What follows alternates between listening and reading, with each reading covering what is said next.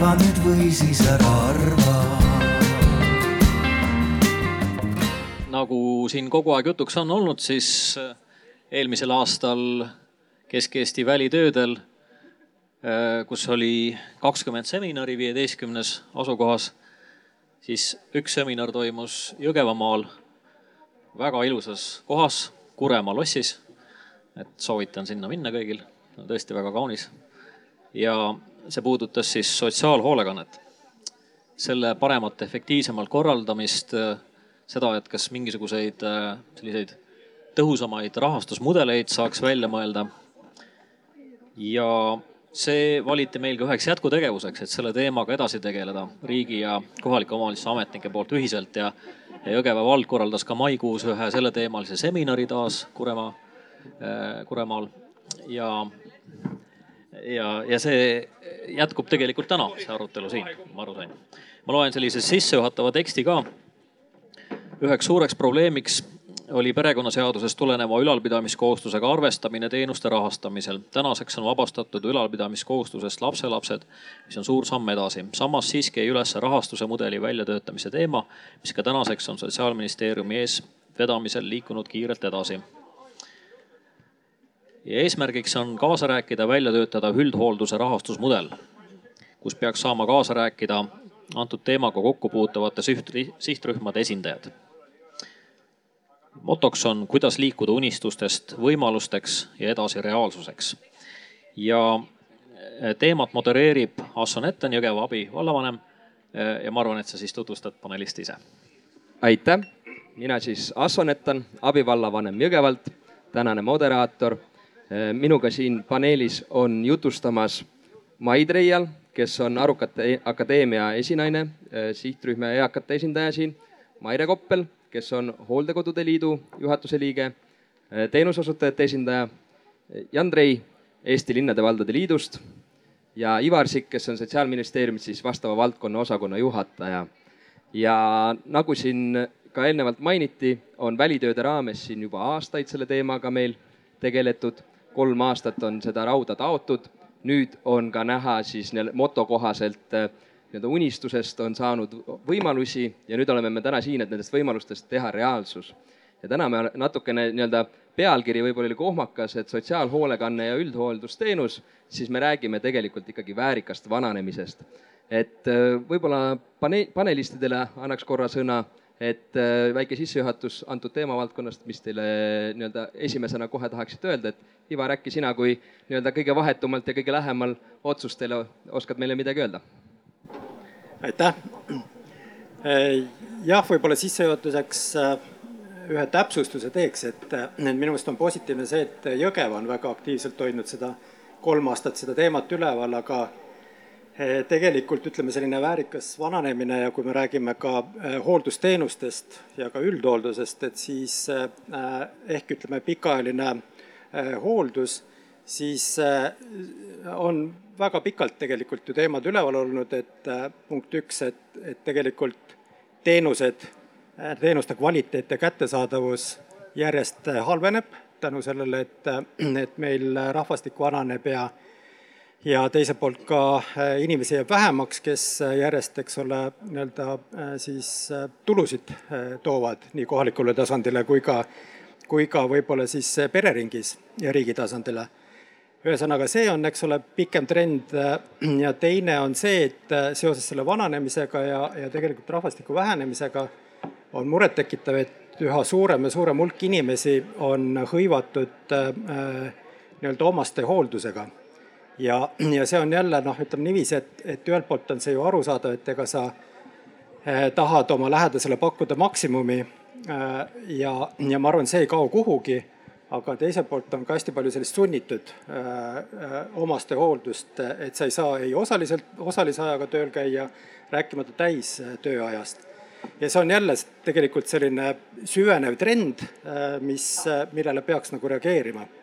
ja võib-olla kolmanda sellise teemana tooks sisse, et, et jah, kui me räägime väärikast vananemisest, siis statistika järgi näitab seda, et et juba kaheksakümmend viis ja rohkem vanemad inimesed et siis väga paljud tegelikult liiguvad, noh, ütleme kümme protsenti kusagil praegusel juhul, eks ole, liiguvad üldhooldusesse ehk nii-öelda oma kodust ära. ja, ja, ja, ja mis siin muret tekitav on see, et, et see teenus on väga kallis ja, ja ütleme inimesele, inimese rahakoti peale ja ka mitte ainult sellele, kes seda teenust vajab, aga ka pere rahakoti peale mõjub see väga tugevalt.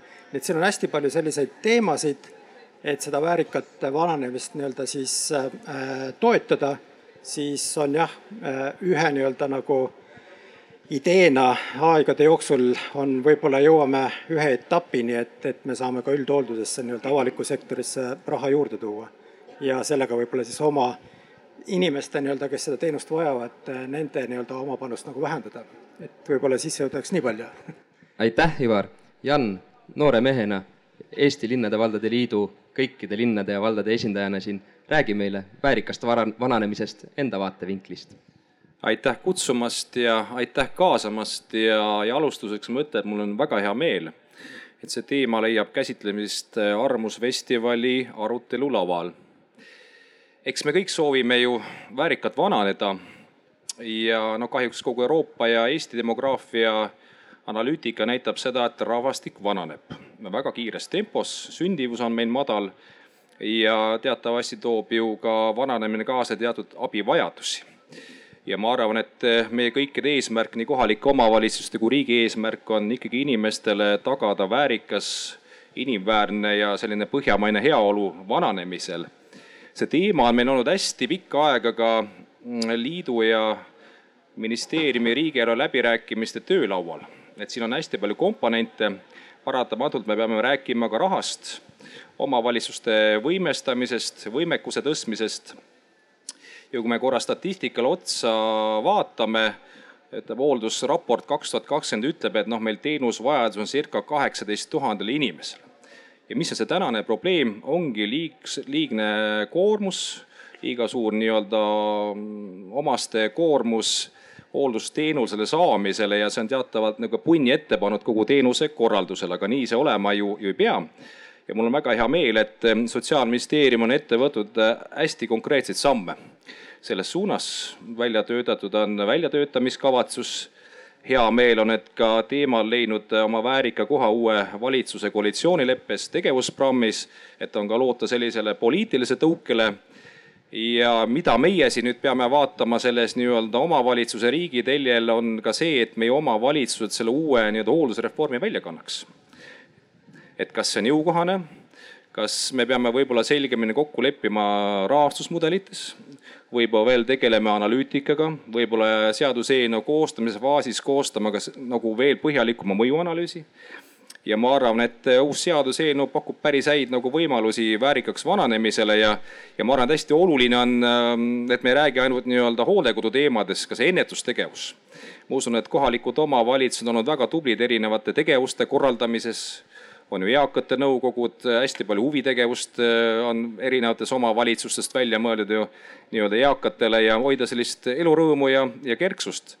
nii et ja noh, muidugi oluline on kindlasti ka rahvatervis ja, ja perearstindus ja eluterved eluviisid ja siin on see teadlikkuse küsimus, nii et äh, ma arvan, et Eesti omavalitsused, linnad ja vallad kindlasti soovivad, et nende haldusterritooriumil elavad eakad vananeksid väärikalt. Aitäh, Jan Maire, jõuame ka teenuseosutajate juurde, et äh, praegult võib-olla ka kõige vahetumalt siin äh, jutuks olnud, et rahastusmudelid, seaduseelnõud ja teenuseosutaja vaatevinklist, et milline võiks olla väärikas vananemine? tere ka minu poolt kõigile ja tõesti, teenuseosutajad äh, soovivad, et inimene saaks väärikalt vananeda ja ka väärikalt surra ja et ta ei peaks olema eakana üksinda kodus või tundma ennast äh, lähedastele kivina kaelas. et äh, tegelikult on ju normaalne, et inimene ei pea olema üksi ega häbenema oma viletsust või nõrka tervist. ja selleks võiks olla kõik hooldekodud kohad, kuhu inimene läheb äh, siiski rahulolevana ja võiks öelda isegi rõõmuga, et tal on päevad päästetud, tal on toit laual ta saab suhelda, temaga tegeletakse, ta võib käia kodus, teatris, kus iganes. et tänane statistika tõesti on selline, et inimesed tihti tulevad päris, päris viimases lõpus. et äh, seal on nagu mitu põhjust, üks on mõtteviis, et äh, lähedased mõtlevad, mina oma lähedast mitte kunagi, mitte mingil juhul hooldekodusse ei vii.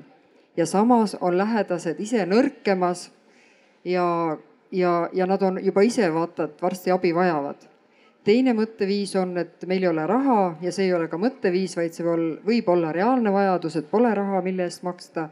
ja siin on nüüd see koht, kus ma loodan, et Eesti jõuab ikkagi Euroopa Liidu tasemele ja riik suudab hüvitada selle vahe, mida inimesel endal ei ole. muidugi, mis teenuseosutajate mure on, et kui see tuleb, see muudatus, kas ja kuidas kohalikud omavalitsused on selleks valmis, kas on jõudu, ressurssi, teadmist aga ma väga olen rõõmus selle üle, et me teeme koostööd nii ministeeriumiga, eh, kohalike omavalitsustega ja meie teenuseosutajana näeme ju ka lähedasi.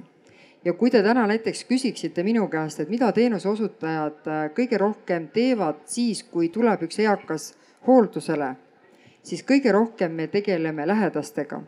Vähendame nende süütunnet, sisendame usku, et tema lähedasel on siin hea olla vahetame infot päevas kolm kuni kümme korda. ma saan aru, inimesed on ärevad, mis juhtub minu emaga, kui ta jääb üksinda võõrasse kohta. nii et äh, hirmude vähendaja on teenuse osutaja number üks ja alguses just ja edasi on juba siis rahateemad ja heaolu teemad, aga me jõuame sellest rääkida, nii et aitäh praegu. aitäh, Maire. Mai, Arukate Akadeemias tuleb ka kindlasti väärikas vananemine kõige selgemalt välja, väga väärikas asutus ja väärikad inimesed koos, et aga räägi paari sõnaga enda vaatevinklist väärikast vanemine, vananemisest. aitäh. kõigepealt tahangi tänada seda äh, tänast äh, arupidamist ja ka seda, et on väga palju liigutud äh, üldhooldusteenuse arendamise osas edasi, sellest on väga palju aastaid räägitud aga nüüd on jõutud ka tegudeni. me oleme jaganud seda praegu teatud etappidesse ja seegi on hea. aga kui ma vaatasin natukene arvusid, et eh, kui eh, riigi, riigis me prognoosime, et aastaks kaks tuhat nelikümmend on kuuekümne viie aastased ja vanemad inimesed rahvastikus kuskil kakskümmend viis koma kuus protsenti, siis kahjuks Jõgevamaal on need protsendid juba palju suuremad.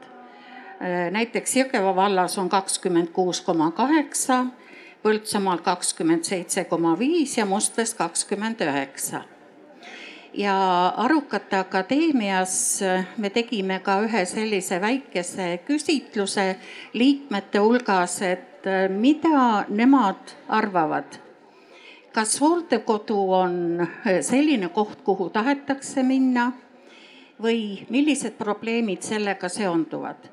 ja tõesti, inimesed ütlevad, et äh, nad ei soovi jääda tõesti lastele ülalpidamisele. et parem on, kui ma saan ise kõik need äh, rahad, et ma maksan selle eest. ja kui praegu nüüd hooldekodude osas on liigutud edasi, et et äh, majutus ja, ja toitlustamine on nagu riigi kanda, need kulutused ja ülejäänud kulutused kaetakse siis kas omavalitsuste või, või teiste isikute poolt, siis äh, seegi on päris samm edasi.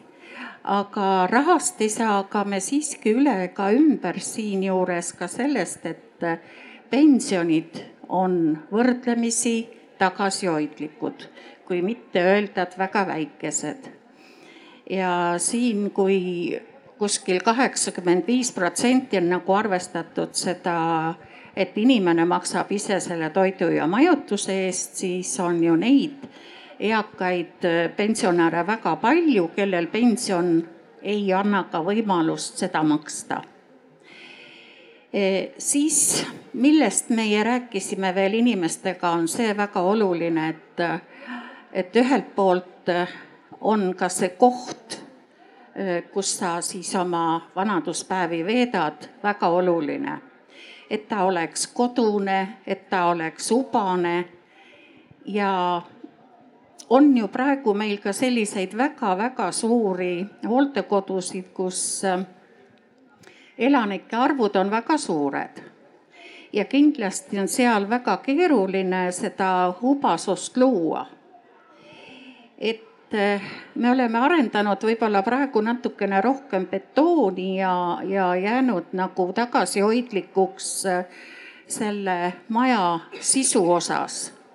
ma mõtlen ka seda, et eh, kui me räägime näiteks, et on olemas noorsootöötajad kes teevad väga tänuväärset tööd, aga ei ole olemas seeniortöötajat. Ja ma tean, et Tallinna Ülikooli äh, ühel mm, projektil oli selline väljaõpe, kus seeniortöötajaid õpetati.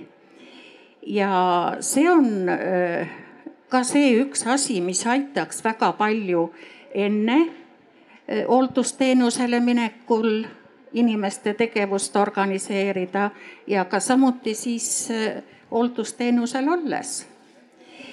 Et äh, ei tea ma kahjuks praegu palju üldse hooldusteenuse äh, kasutajatel on võimalik olla näiteks haaratud erinevate tegevustega, kus on tegelusterapeudid ja Äh, sellised äh, aktiivsed töötajad. Ja need äh, öeldakse, et tegelikult peaks nagu omavalitsus palkama ja need kohad looma. aga me räägime ka sellest, et tegelikult on hooldajaidki vajaka ja ei ole võimalik omavalitsusel kõiki neid palgata, nii et siit tuleb teiselt poolt selle sisu täitmise osa juurde oluliselt esile töötajate olemasolu ja ka töötajate palgad. tegelikult see on väga vajalik, see on äh, vahest ka füüsiliselt, aga enamikel juhtudel psüühiliselt raske töö. aitäh, Mai. Äh, meie esimesest sissejuhatusest on äh, nii-öelda kolm esimest aspekti üldhooldusteenusest, väärikast vananemisest kõikidest tasemetest, nii ministeeriumi, omavalitsuste, teenuseosutajate kui ka, kui ka eakate enda seisukohtadest koorunud välja. ja ma saan aru, et esimene suur teema üldhoonusteenuse hooldekodu juures on hirm. Esiteks stigmaatiline hirm selle asutuse vastu, teine aspekt on raha, ehk siis kes maksab, kulukas, ja kolmas siis ka see teenuse sisu, et, et nii-öelda täna me oleme nii-öelda hirme on raske meil siin lahendada kõike, me saame sellest natukene rääkida, aga raha pool on alati väga vahetu ja selge ja konkreetselt mõõdetav. kuigi me eelnevalt siin omavahel kõik rääkisime, et statistikast räägime siis, kui tülli lähme, siis olgem ausad, ega me ilma selleta ka ei saa. ja me täna näeme, et, et, et niisugune keskmine hooldekodukoht juba maksab tuhat eurot, ütleme sinna suurusjärku ja inimese pension on sinna neljasaja kanti et noh, vahe on kuussada. et eh, kuidas see vahe katta, siiamaani on see jäänud siis lähedastele. selle viimaste aastate jooksul on, on saavutustena saab juba öelda selleks seda, et lapselapsed ei pea enam seda oma vastutus, vastutust kandma, aga see kulu on ikka, et eh, kas eh, näiteks Ivar, oskad sa meile natukene selgitada ministeeriumi vaatevinklist nii-öelda rahastusmudelit, mida te mõtlete täna? kooskõlastusringile saata? jah, ma alguses ütlesin ka vist, et, et eks siin kõik need nüansid on veel lahtised. ühelt poolt uus koalitsioon alles nii-öelda sai eelmisel nädalal oma tööplaani heaks kiidetud ja sealt edasi me nagu liigume. Aga teiselt poolt jälle noh, nagu oli juttu, et, et väga mitmeid aastaid on need teemad laua peal olnud ja ka omavahel nagu arutatud Eh, ma võib-olla siis eh, natuke jah, räägin sellest, sellest aspektist, et mis meil siis nii-öelda nendest valikutest siis ütleme, selline eelistatud variant on. et me igal juhul oleme nagu seda meelt, kui me räägime ministeeriumist, et me ei teeks rahastusmudelit segasemaks, kui ta, kui ta, kui ta täna on. See tähendab seda, et me kindlasti ei tee mingeid muudatusi selliseid, mis võtaks üldhoolduse korraldamise õigused ja, ja kohustuse kohalikult omavalitsusest ära. ja see tähendab ka seda, et, et rahastamise poole pealt me kindlasti ei, ei ole seda meelt, et, et me nüüd riigi rahaga mingeid komponente tuleksime juurde rahastama. vaid pigem on idee see, et, et leppida kokku, et me ka tõstame siis kohaliku omavalitsuse tulubaasi läbi maksu siis muudatuse ja teiselt poolt, nagu oli siin just juttu, et, et ega Eesti ju regionaalselt on mitmekesine ja on neid kohalikke omavalitsusi, kus võib-olla kuuskümmend viis pluss on tõesti juba kolmkümmend protsenti elanikkonnast ja ja teised jälle on sellised, kus on rohkem nooremad inimesed, kui me räägime ka siin Harjumaast. Et selles mõttes, nii nagu ka hariduses ja paljudes teistes teemades on see, et ühelt poolt tulumaksuprotsenti tõsta ja teiselt poolt on siis see, et, et tasandusfondi kaudu tasandada neid ebaühtlusi, mis Eestis regionaalselt nagu on. Ehk ütleme, kohalikud äh, omavalitsused, kes vajavad, siis äh, nendele antakse ja just ütleme just selle läbi, et kui palju on see elanikkond kuuskümmend viis pluss ja kaheksakümmend viis pluss, et sellest tulenevalt siis saaks selle valemi paika panna, et kuidas tasandusfond jaguneks nagu täiendavalt, täiendava rahaga. nii et äh, esimene printsiip on kindlasti see, et me neid vastutusi ja neid ei puutuks, et see on nii, nagu täna on rahastuse poole pealt samamoodi, et pigem, eks ole, on kohalik omavalitsus tuleb võib-olla jõulisemalt juurde ka selle teenuse rahastamisel ja, ja kindlasti jääb ka inimene ja perekond, nii nagu ka perekonnaseadus, eks ole, ütleb ja, ja see on igal juhul see, et et kui sul ei jagune ka äh, siis äh, toitlustuse ja majutuskomponendist, nagu siin Maid Reial mainis, et üks äh, nii-öelda komponentide pakett, mida siis inimene peaks ise katma Eh, kui ei jagu eh, siis omavahenditest, et siis kindlasti on pere esimene, kes, kes peaks, eks ole, appi tulema. Et ka neid printsiipe me muutma ei lähe. ja sel juhul, kui ka siin, eks ole, on abivajadus suurem, siis on kohalikul omavalitsusel nii-öelda siis see täiendav abivõimalus, eks ole, omalt poolt. nii et need printsiibid, need põhiprintsiibid ikkagi jäävad nagu paika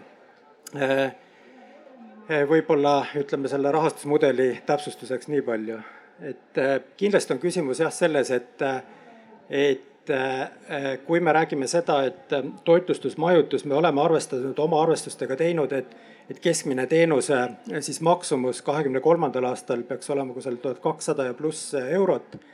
ja sealt me oleme need arvestused teinud, et kui umbes kuuskümmend protsenti jääb avaliku sektori rahastada, siis nelikümmend protsenti ja natuke allapoole on see toitlustusmajutus, mis jääb siis inimese enda kanda jätkuvalt ja see inimese enda kanda või ütleme siis avaliku sektori selline eh, komponent, mis on hooldusteenuse komponent, et see on kusagil seitsesada kolmkümmend eh, eurot, mis me oleme nagu arvestanud kuus. et ütleme, need on need suuremad nagu rahanumbrid ja ütleme, see printsiibid, mida võib-olla siis siia vestlusesse juurde tooksin. Jan, kas eh, omavalitsuste nii-öelda liidu esindajana siin, kas niisugune mudel tundub omavalitsuse vaatevinklist hea mudel? ma arvan, et suund on õige ja, ja kiidan Sotsiaalministeeriumi, me oleme olnud kaasas kogu selle VTK koostamisega tegelikult. ja meil on nagu selline üldpilt, tunnetus olemas kohalike omavalitsuste vastu peegelduses sellele ja ja võib-olla see kõige suurem noh, detaili koht ongi seesamune rahastusmudel, et saatan peitub alati detailides ja õigusriigis noh, paljud teenused on kinni jälle selles Exceli tabelis raha planeerimises. ütleme küll, statistika näitab, et omavalitsuste tulubaas nagu tõuseb, aga no tegelikult on ka väga suured kulutused ju kohalikel omavalitsustel ja, ja see, mida Ivar siin osundas, et, et kindlasti on vaja tõsta ka kohaliku omavalitsuse tulubaasi. et meie liidu üks selline põhitegevus igal aastal on äh, kaasa rääkida ka riigieelarve ja riigieelarve strateegia koostamise protsessis. ja teatavasti, kui kaks tuhat üheksa oli suur masuaeg, siis väga räigelt kratsiti ka kohalike omavalitsuste tulubaasi numbreid ja protsente et noh, peamine tuluallikas kohalikel omavalitsustel ongi ju üksikisiku tulumaksu osa ja täna me iga aasta proovime seda tagasi rääkida sellesse nii-öelda seisu, mis oli kaks tuhat üheksa. ehk et noh, mina julgen natuke nagu väita, et ähm, no omavalitsused on olnud pisut nagu alarahastatud, täna me jõuame alles sellise baas, baasstsenaariumisse äh, mida omavalitsused välja tõid selle komponendipõhise mudeliga, noh, iseenesest suund humaanne, õige omaosalus väiksem, noh, see avab parema ligipääsu ju teenusele, mis ongi väga õige suund väärikale vananemisele. aga see omakorda toob siis ju suurema nii-öelda fiskaalse survega kohalikele omavalitsustele. jah, sotsiaalhoolekande seaduse järgi on see teenus täna kohalikke omavalitsusi korraldada. ja ütleme noh, VTK-st tuli ka osundus, et siis see raha leidmine käib koostöös riigiga, et ja noh, need, et need nüansid tulebki nagu läbi rääkida ja kuna on hästi palju regionaalseid eripärasid, et siis ma arvan, et see mudel peab olema nagu paindlik. ja noh, ma toon ühe, ühe nagu stiili näite Narvast.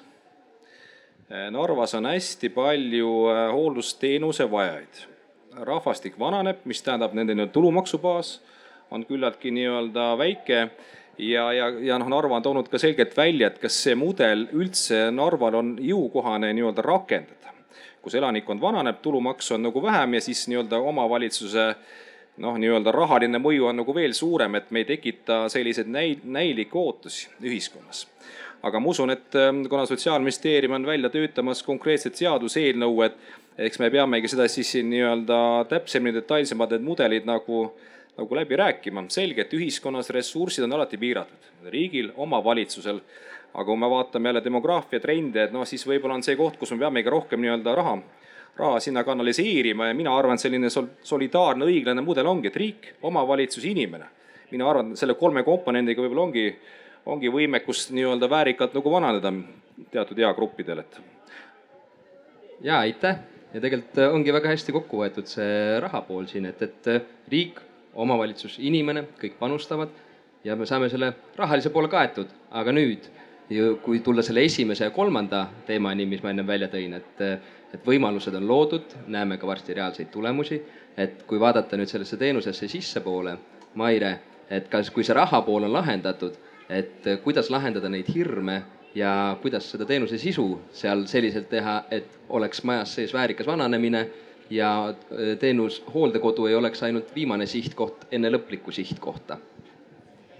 no just, et kõik algab ju peast, et kuidas me ise mõtleme, kuidas meie kui lapsed mõtleme, kuidas meie kui emad mõtleme või meie, kuidas me vanavanaemad mõtleme või, või vanaisad, vahet ei ole.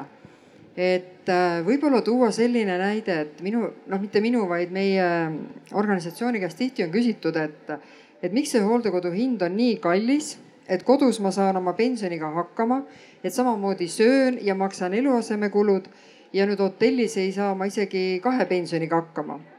siis ma tooksin sellise võrdluse, et tegelikult ju te lähete, see eakas läheb elama hotelli ja hotellitoa hind algab täna, ma arvan, kolmekümne viiest äh, kõige väiksem hind. pigem algab ta viiekümnest, kuuekümnest eurost päev, ööpäev nii et tegelikult äh, see eakas läheb hotelli, kus on tal kõik, on äh, koristamine, toitlustamine äh, ja pluss on hooldusteenused. pluss on kõik arstivisiidid, õeteenused, sellel kõigel on oma hind.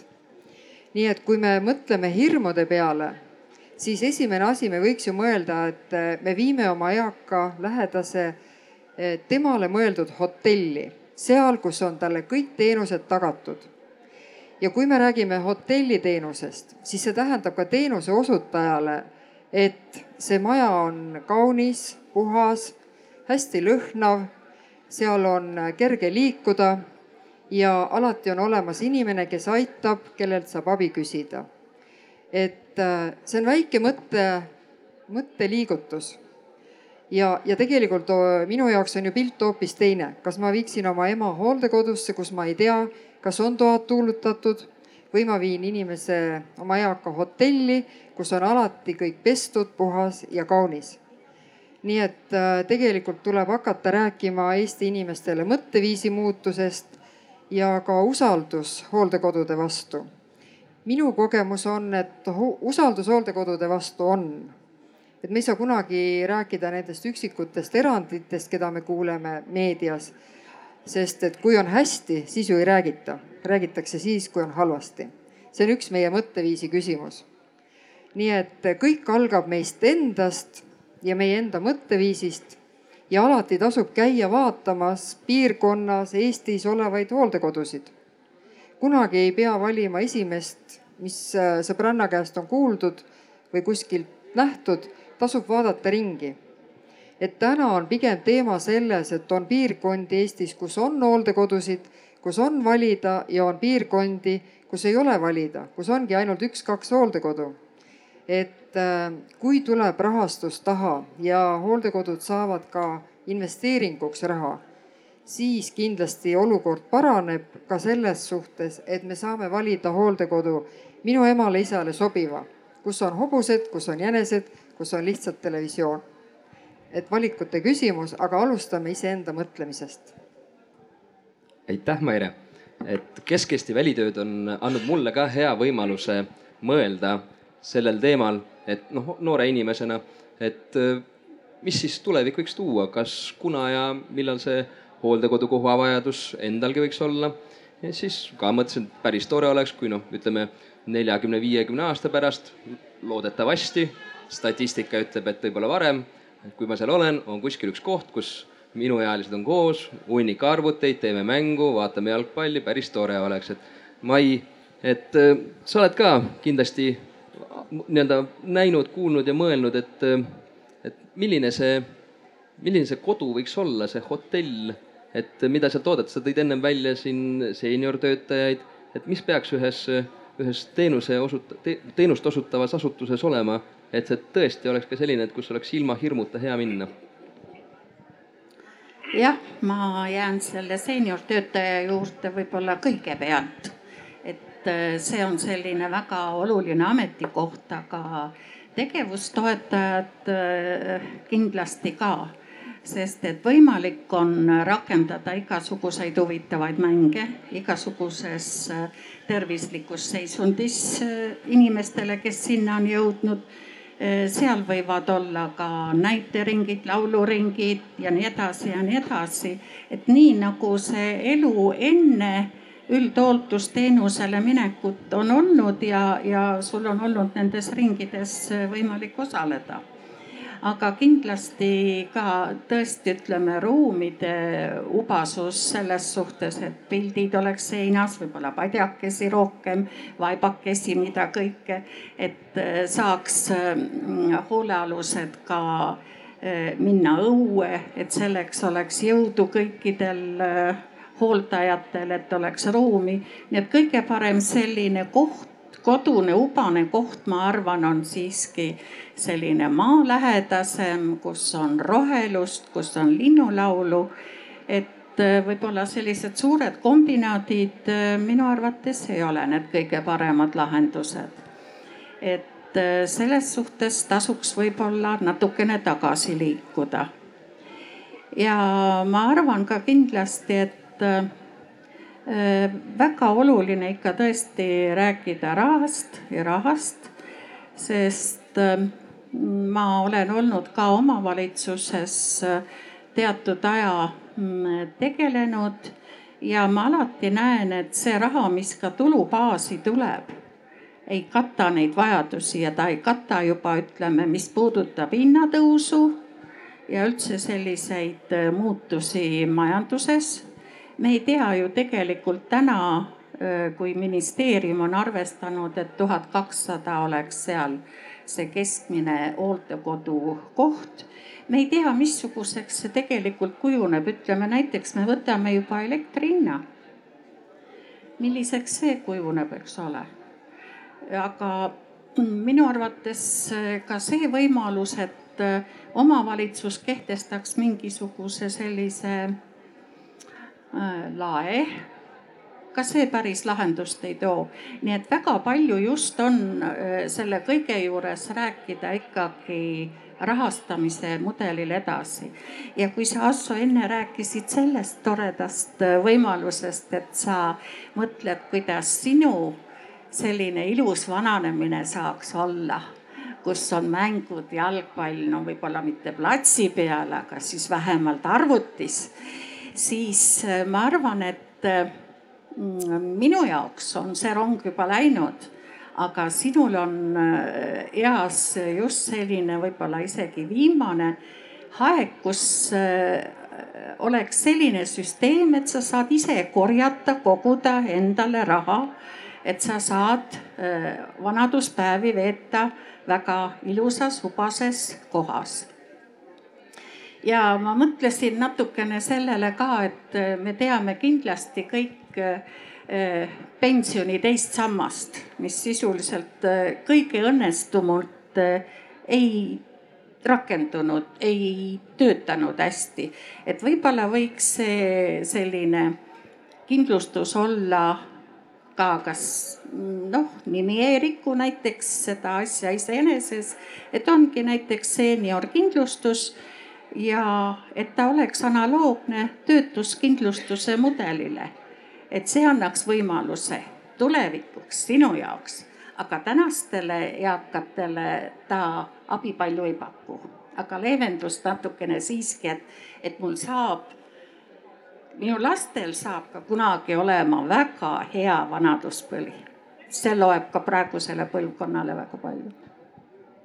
täpselt nii, Mai ja, ja kevadel seal maikuus, kui me Kuremaa lossis jälle arutasime nendel teemadel, siis ma isegi tegin kirvemeetodile arvestuse, et mina peaksin täna hakkama iga kuu viisteist eurot panema sokisäärde, et ma saaksin oma elukaare viimased kolm aastat veenda, veeta Äh, rahulikult sihukeses meeldivas kodus selliselt, et ma ei oleks koormaks oma lastele, oma lähedastele. Äh, ainukene küsimus on see, et noh, see viisteist eurot küll ei ole nii-öelda võib-olla antud hetkel nii suur summa, aga kas ma olen ka päriselt valmis selleks või ma hakkan kümne aasta pärast koguma kakskümmend eurot. no vaatame, lõpuks me ju, kui me, kui see jääb minu vastutada, siis ma üks hetk olen täpselt seal, et noh, pensionieelikuna ja vaatan, et oleks vaja, aga Ivar, see, see nii-öelda kindlustusmudeli mõte, kas seda on ka nii-öelda kõrgematel tasemetel ministeeriumites või omavalitsustega arutatud? Noh, see on jah, ütleme üleüldine nii-öelda äh, siis pikaajalise hoolduse nagu rahastamise teema, eks ole, et mitte ainult äh, üldhooldus, aga, aga ega võib öelda, et ka teised hoolekande nagu teenused, kus ka inimene panustab, eks ole, on, on kallid. Ja, ja Äh, võib-olla üks küsimus ongi jah, see pool, et, et anda nagu võimalusi rohkem ka inimesel endal äh, läbi siis äh, positiivse nügimise, et, et ta, eks ole, nagu arvestaks sellega, et ühel hetkel võib sul see hetk kätte jõuda. aga ega ka mujal maailmas äh, lihtsalt, kui me võtame ka Eesti nagu riigi rahvaarvu, eks ole, siis ja, ja riigi suurust, siis sellised vabatahtlikud kindlustused on väga problemaatiline, et, et see kindlasti äh, ei aita, see aitab võib-olla rohkem rahatarku inimesi ja võib-olla neid, kellel ka suutlikkust ja võimalust on, eks ole, rohkem kõrvale panna. kindlasti nende asjade peale nagu mõeldakse. nüüd eh, kohustusliku kindlustuse sissetoomise, et, et see on jah, ütleme, eh, võib öelda, et, et teemana on ta ka mitte nüüd uus teema, eks ole, ta on ajast aega on, eks ole, need teemad laua peal olnud ja ma arvan, mida aeg edasi, seda rohkem äh, noh, kriitilisemaks muutub, et me peame veel alternatiivseid, eks ole, rahastamisvõimalusi nagu, nagu välja pakkuma. Äh, kas siis maksupoliitilisi või, või siis tõesti kindlustuse taolisi, äh, nagu seesama näide, eks ole, ja miks mitte võib-olla ka pensionisüsteemis teha mingeid täiendusi sellega, et arvestusega, et tõesti, nagu ma ütlesin, kaheksakümmend viis pluss ja sealt edasi, eks ole, üha rohkem ja rohkem inimeste tegelikult kulub nii-öelda tõuseb, eh, mida vanemaks ta, eks ole, saab. nii tervisest tulenevalt kui ka, kui ka siis teenustest, täiendavat teenustest tulenevalt. et ma arvan, et eh, see teema jah, on eh, sama tõsiselt laual, kui, kui võib-olla, kui me praegu räägime sellest ühest üldhoolduse nagu teenusest. aga ma tahaks võib-olla seda ka veel nagu rõhutada, et, et miks on ka positiivne äh, see, kui äh, see täiendav raha on ka kohaliku omavalitsuse, eks ole, rahakotis, on ikkagi see, et äh, üldhooldus, noh, see on äh, tõesti nagu selline viimane etapp tänasel juhul olnud. kuigi siin on noh, juttu natuke ka eelnevalt rääkisime ja siin sai mainitud, et, et see ei peaks olema võib-olla elu viimane, eks ole, et, et siin võib ka olla see, et on kena koht positiivse nii-öelda auraga ja ka stigmast mööda saada, eks ole, võib olla ka tõesti see, et on grupp inimesi, kes ka soovivad nii-öelda, eks ole, sellist, sellist teenust pikemalt kui, kui see keskmine kaheksa kuud, eks ole, mis on, mis on praegune statistika. nii et, nii et siin on nagu see pool, et, et kui me ka seda väärikamist, väärikat vananemist räägime, siis, siis ka seda raha, mis kohalikul omavalitsusel tulubaasis on, ta saab ka teiste nii-öelda teenuste jaoks pakkuda, et võib-olla inimesele ka, eks ole kes võib-olla täna on üldhoolduses, aga võib-olla on tal ikkagi võimalik ka kodus natuke pikemalt olla ja tervemalt olla just selle tõttu, et, et tal on ka selline tugi, parem tugi, eks ole, tagatud läbi kohaliku omavalitsuse ja võib-olla tervisetoe, eks ole.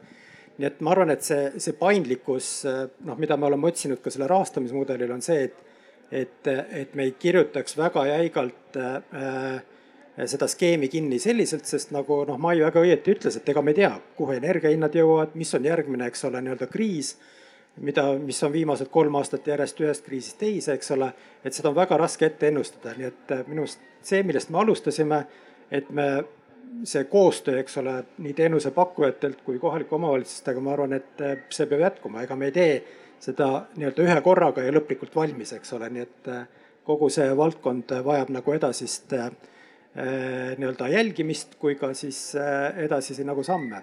kvaliteet paraneks ja kättesaadavus samamoodi. ja siit tuli ka kuna meie aeg hakkab vaikselt-vaikselt lõpule jõudma, aga üks oluline mõte, et kui me täna räägime üldhooldusteenusest ja sellest nii-öelda päris lõpust, siis äh, nii-öelda põgusalt on ka sisse tulnud just see muud aspektid, et eakatega tegevus üldiselt, niisugune toetatud, väärikas äh, vananemine, et äh, kui ja see koostöö aspekt, mis täna on korduvalt ka läbi käinud, on, on ka väga südantsoojendav ja, ja ma olen enam kui veendunud, et see jätkub. Ja, ja meil on äh, nii-öelda tulevikku vaatavalt, siis kui me oleme selle mure nii-öelda enam-vähem ühtemoodi aru saanud ja juba tööle saanud, siis vaatame sealt juba tagasi ja, ja hakkame vaatama nii-öelda üksinda elavaid eakaid ja, ja või, võimaldama ka seda, et võimalikult kaua väärikalt kodus elada ja toetada ja huvitegevust ja kõike seda, et aktiivsena hoida. et, et aga siia lõppu meile võib-olla igalt osalejalt üks mõttetera, mis täna kindlasti peaks kõlama jääma meie vestlusest, meie meie paneelist kuulajatele. et Mai, mis sa arvad, mis oleks see, mis tänasest päevast peaks kõigile kõrvu jääma? Kõigepealt, et äh, me oleme siia kokku saanud ja ka see, et Jõgevamaal on paaril eelneval aastal kokku saadud, ühiselt arutatud. siia juurde tuleks võib-olla haarata ka rohkem nagu eakate organisatsioone, ütleme näiteks on palju räägitud ju eakate nõukodadest, mida siiski on vähe, et äh, see oleks nagu juba ka omavalitsusele toeks kõrval. et äh, ühiselt neid, äh, neid asju lahendada, aga koos ja minu arvates nende inimestega, kellega mina olen suhelnud, mida looduslähedasem, seda parem või siis on selline väike liikumisvõimalus, kus ei pea palju aega kuluma sellele, et sa saad minna teatrietendusele või kuskile mujale. Nii et need inimesed väärivad seda, kes on oma elutöö teinud ja väärivad palgatõusu need inimesed, kes äh, üldhoolduses tegelevad. Nad on alarahastatud, täna ma toonitan seda. ja väärivad tänu ka need inimesed, kes mõtlevad alustades ministeeriumiga ja kõik vahepealsed ja lõpetada selle ministeeriumiga. ja praegu on ju riigieelarve tegemise aeg. Nii et Excelit annab natukene venitada ja kõik targad on seal koos. soovin jõudu kõikidele. aitäh, Mai. Maire, mis sina arvad, mis täna kõlama võiks jääda? no mulle meeldis äh, Ivari poolt öeldu, et äh, on plaanis vaadata, palju on kohalikus omavalitsuses äh, kas siis kuuskümmend viis pluss või seitsekümmend pluss või, või eakamaid inimesi. sest ma täna aeg-ajalt näen, et, äh, et riik soovib parimat, raha antakse, aga saavad ka need, kes võib-olla kohe ei vaja, ma mõtlen kohalikke omavalitsusi ja saavad need, kes väga-väga vajavad. et ma tean, see on lisatöö aga õnneks on meil Excel tabelid, vanused tulevad välja, see annab minule kui teenuseosutajale usku, et tõesti abi saavad need eakad, kes seda vajavad. et ei ole niimoodi, et kui ma olen Harjumaal, siis ma saan kindlasti, aga kui ma olen Põlvamaal, siis ma võib-olla saan abi. et äh, mina olen väga seda meelt, et äh, olenemata elukohast peab saama inimene abi oma kohalikult omavalitsuselt ja kohalik omavalitsus ei tohiks öelda, et jah Eh, Harjumaale jätkub raha, aga meil ei jätku. nii et võrdne kohtlemine võr- ja, ja just numbritele tuginev rahastus. nii et ma loodan, et ikkagi elu läheb Eestis paremaks ja tõesti, inimesed saavad elada kodus nii kaua, kui tahavad, aga ma võin oma kogemusest öelda, kuna ma eakaid näen päris palju, siis on päris palju eakaid, kes tulevad küll väikse kõhedusega hooldekodusse, aga juba kahe nädala pärast ütlevad, et oleks ma teadnud, et siin ei ole mitte midagi õudset, vaid siin on hoopis tore seltskond, minuga tegeletakse, ma saan süüa, ma ei pea ise ahju kütma, ma oleks ammu tulnud. Nii et ikkagi see teadlikkuse kasv ja võib-olla teha avatud uste päevad hooldekodusse ja teeme nagu on avatud talude päev, teeme avatud hooldekodupäevad. võtame maha hirme. aitäh. aitäh, Jan, kahe lausega ma arvan, et hästi oluline on jätkata seda debatti, dialoogi riigi, kohalike omavalitsustega, leida need parimad äh, lahendused parimad mõttekohad ja ma väga loodan, et see teema, üldhoolduse reform maha ei kuku. Vähemasti me liiduna hoiame seda teemat üleval, no omavalitsustele kindlasti meeldib, et kui riik planeerib rohkem Excelisse raha, aga jätkuvalt ressursid on piiratud. Ja, ja ma arvan, et oluline on suhelda ka kohtadele sidusrühmadega, eakatega endaga hooldekodude esindajatega, kes siis päris praktikaid ja päris ootusi ja vajadusi teavad, nii et ma arvan, sellise koosloome tööna me suudame päris head rahastusmudelid ära, ära disainida ja, ja võib-olla see ongi väärikas vananemine järgmise viie, kuue, seitsme aasta jooksul, nii et soovin jõudu meile. ja, Ivar, tahad ka veel lause? aeg on küll otsas kohe, aga mulle tegelikult, kui äh, sellest vestlusest äh, võib-olla üks mõte, mida, mida ka siin Mai mitmel korral nagu, nagu tõstatas, et minu meelest äh, see, see vanemaealisus ja, ja ütleme see, et, et see väärikas, eks ole, vananemine. Ja, ja tegelikult noh, me kindlasti noh, me rääkisime sellest rahast ja, ja ütleme, kui Exceli tabelist rääkides oli selline kulupool, eks ole siis minu meelest äh, see vanemaealise poliitika üleüldiselt on, äh, on teema, mis, äh, mis vajaks võib-olla rohkem tähelepanu, sest mina võtaks seda, kui see on ressurss, mitte, mitte, eks ole, nagu kulupool. Ja see on ka seesama ettepanek, et võib-olla, eks ole, vanemaealisi rohkem rakendada ka kasvõi selles üldhoolduse, eks ole võrgustikus siis kogukonnas ja nii edasi. ma arvan, see on, see on üks ressurss, mis on, mis on vähe ära kasutatud ja, ja, ja ja võib-olla siin on just see pool, et, et me peame need inimesed ka üles otsima, eks ole, et, et kes on, see Covidi aeg näitas seda, et väga palju vanemaealisi on tegelikult nii-öelda peidus, keda me ei teagi, et nad on, eks ole, meil omavalitsustes olemas. ja ma arvan, see on tegelikult pigem ressursi pool ja, ja ma arvan ka, et, et, et Exceli tabel ja, ja, ja nii-öelda numbrid on, on üks, aga see vanemaealise poliitika laiemalt on see, mis vajab väärtustamist. aitäh ja meie aeg siin hakkab otsa saama, aga nagu laulusõnad ütlevad, me kõik jääme vanaks. ehk siis teeme neid asju ka siin endale. ja mulle Mai sõnad väga meeldisid, et need inimesed, kes on oma elutöö ära teinud, nad väärivad seda, ka meie väärime tulevikus seda nii et äh, aitäh meile ja jätkuvat tugevat koostööd. selge see, et ega kõike kõike teha.